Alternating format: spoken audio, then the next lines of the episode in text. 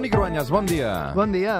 Com anem? Bé, mm, A bé, veure, a avui veure, ens bé, bé. acomiadem, eh? Avui ens acomiadem, però eh, hem après moltes coses aquesta temporada i abans de marxar de vacances el que volem fer eh, és eh, repassar una mica tot el que hem anat explicant aquest any. A tu, per cert, avui se t'acaben les vacances o no? Sí, m'agrada perquè vas Nosaltres parlant de comen- que comencem vacances, jo ja les Nosaltres estic mig comencem- acabant. Nosaltres però bé. comencem demà, però tu ja...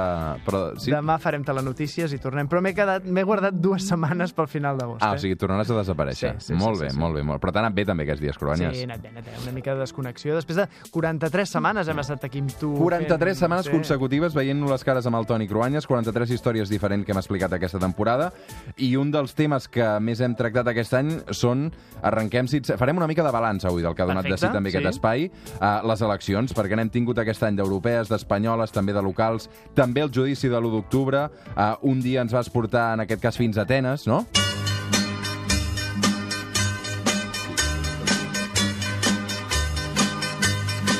Vam viatjar fins a l'origen de la democràcia, Toni. Sí, van marxar fins al 594 abans de Crist, que és la data en què es coneix el naixement de la democràcia tal com la coneixem avui.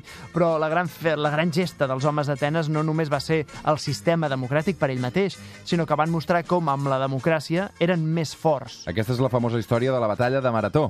Sí, la victòria dels grecs contra l'aparentment invencible imperi persa que ha donat joc a mil i una llegendes. Encara que s'ha escrit molt sobre aquella batalla, els fets que sabem són escassos. Era l'any 490 abans de Crist, l'imperi persa, en plena expansió i que ja arribava fins a l'actual Índia i fins a Grècia, va voler conquerir la ciutat d'Atenes. I la llegenda diu que hi havia molts més soldats perses que no grecs. Els grecs van anar a rebre les tropes que arribaven d'Orient a uns 42 quilòmetres d'Atenes, el lloc conegut com a Marató. El general grec Maltíades va dissenyar una estratègia d'atac que es basava en encerclar l'exèrcit persa. Els cronistes grecs diuen que gràcies a les argúcies militars de Maltíades, la batalla va acabar amb 6.000 soldats perses morts i amb només 200 baixes de les files gregues, en el que els poetes antics descriuen gairebé com una lluita de forces desiguals entre el bé i el mal, la batalla va ser guanyada per aquells que defensaven la seva democràcia contra els súbdits i esclaus d'un general despòtic. Amb menys homes, amb menys armes, la democràcia, doncs, va guanyar la batalla de Marató. I ara d'Atenes marxem fins al Brasil perquè la democràcia també dona sorpreses, desagradables en aquest cas. A l'octubre l'ultradretà Jair Bolsonaro, ho recordem, va guanyar les eleccions brasileres i ara ja n'és el president. El país del Carnaval ens serveix d'exemple de com un defensor de la dictadura pot guanyar unes eleccions democràtiques en ple segle XXI al país del sucre, del cafè, del futbol, de la samba. I recordo que vam dedicar un capítol a les grans desigualtats que hi ha al Brasil. Una desigualtat endèmica. Brasil ha ocupat el 40% dels esclaus africans que van ser traslladats per la força fins a Amèrica des del segle XVI. 10 milions de persones van ser robades, segrestades d'Àfrica i no hi van tornar mai més. Els esclavistes els anaven a buscar tan a prop dels ports africans com podien, però estudis actuals mostren que en el cas del Brasil la diversitat ètnica dels africans que van emportar-se és enorme. Creuen que la demanda d'esclaus era tan gran i la competència amb els compradors d'esclaus més al nord també era tan forta que van fer que els esclavistes brasilers s'endinsessin molt a l'interior del continent africà per buscar tanta gent com podien per emportar-se. Rio de Janeiro va ser una de les grans portes d'entrada d'esclaus al Brasil. Sobretot per la proximitat de les principals mines d'or a la regió interior de Minas Gerais. Els esclaus els despullaven, els miraven les dents i els braços als homes i els pits i la cara a les dones. N'enviaven la gran majoria a les plantacions creixents de sucre i de cafè, a les mines d'or també, i els que es quedaven per als serveis domèstics, el mateix Salvador de Bahia, per exemple, van ser els que van exercir la influència inicial en la cultura i la religió que avui són la idiosincràsia del Brasil, la santeria en què barrejaven l'animisme de les tribus africanes. Per cert, aquest any, Toni, també hem visitat Itàlia per tota la polèmica de la llibertat d'expressió, dels llaços grocs. Quina relació hi havia? La polèmica sobre si podíem dir o no presos polítics, si podíem dir exiliats, van fer un paral·lelisme amb el risorgimento italià del segle XIX. Allà l'ocupació austro-hongaresa va prohibir expressions nacionalistes i la gent va esquivar la censura cridant Viva Verdi! I recordo que vam explicar què volia dir Viva Verdi. Vittorio Emanuele, re d'Itàlia. Víctor Manuel, rei d'Itàlia.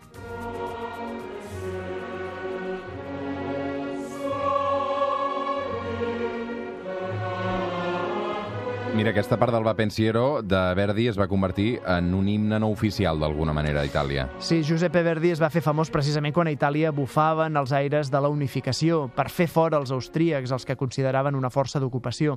Els italians tenien la voluntat, però no la força militar ni l'organització política per fer-ho, però sí tenien una font d'inspiració, les òperes de Verdi.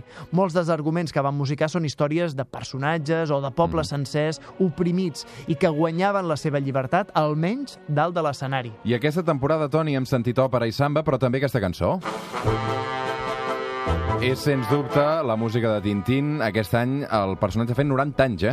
El gener de 1929, Georges Remy, conegut com a Hergé, va publicar Tintín al país dels soviets, mm. sense colors, i per entregues a la revista Le Petit Vingtième.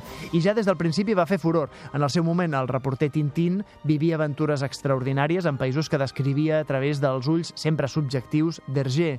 Servia als lectors adults de l'època per fer-se una idea del món. I sí, aquest any ens ha servit a nosaltres també per repassar la història de tot un segle. Recordo que vam parlar de les acusacions de racisme contra el creador del personatge, en aquest cas Hergé. Sí, sobretot pel llibre Tintín al Congo, sí. però també vam recordar que Hergé va ser tot un visionari. De fet, va enviar Tintín a la Lluna abans que hi arribessin els humans. De fet, avui celebrem un aniversari rodó, mm. els 50 anys del famós Petit pas per l'home, però un gran salt per la humanitat de Neil Armstrong. I et recomano Objectiu la Lluna, aquest reportatge que m'ha més aquests últims dies també el suplement de Catalunya Ràdio. Al webcatradio.cat el podreu recuperar. Però, però, però, però aquesta melodia també va ser un dels grans moments de la temporada, l'inici i el final de l'última temporada de Joc de Trons. Sí, nosaltres, com sempre, en la nostra cosa de història, però vam recordar les reminiscències medievals d'aquesta sèrie. Per cert, et va agradar el final, com va acabar no, o no? No, no, no, no molt de... Tu has vist el final, també? Sí, i no et va agradar gens? Mm, fins la meitat de l'últim capítol. Després la cosa...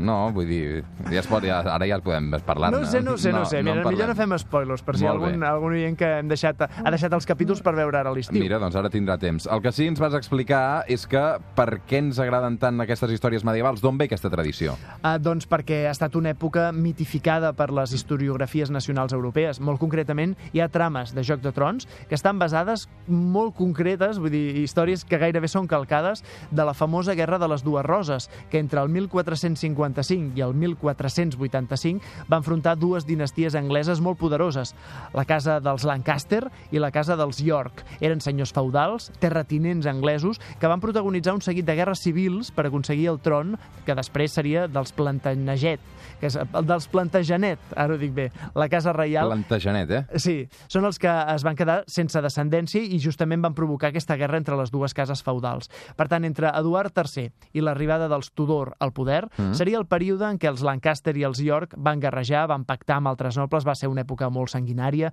Shakespeare li va dedicar algunes de les seves obres més conegudes, com Enric VI o Ricard III. Vaja, igualet, igualet que Joc de Trons. Doncs a diferència d'aquest Joc de Trons que ja s'ha acabat, al setembre sí que tindrem nou Toni Cruanyes al suplement. Eh? Una altra història al suplement. Continuarem, no? Sí, si m'hi vols. Mateix Clar, dia, volem. mateixa hora? Mateix dia, mateixa hora. Do you remember?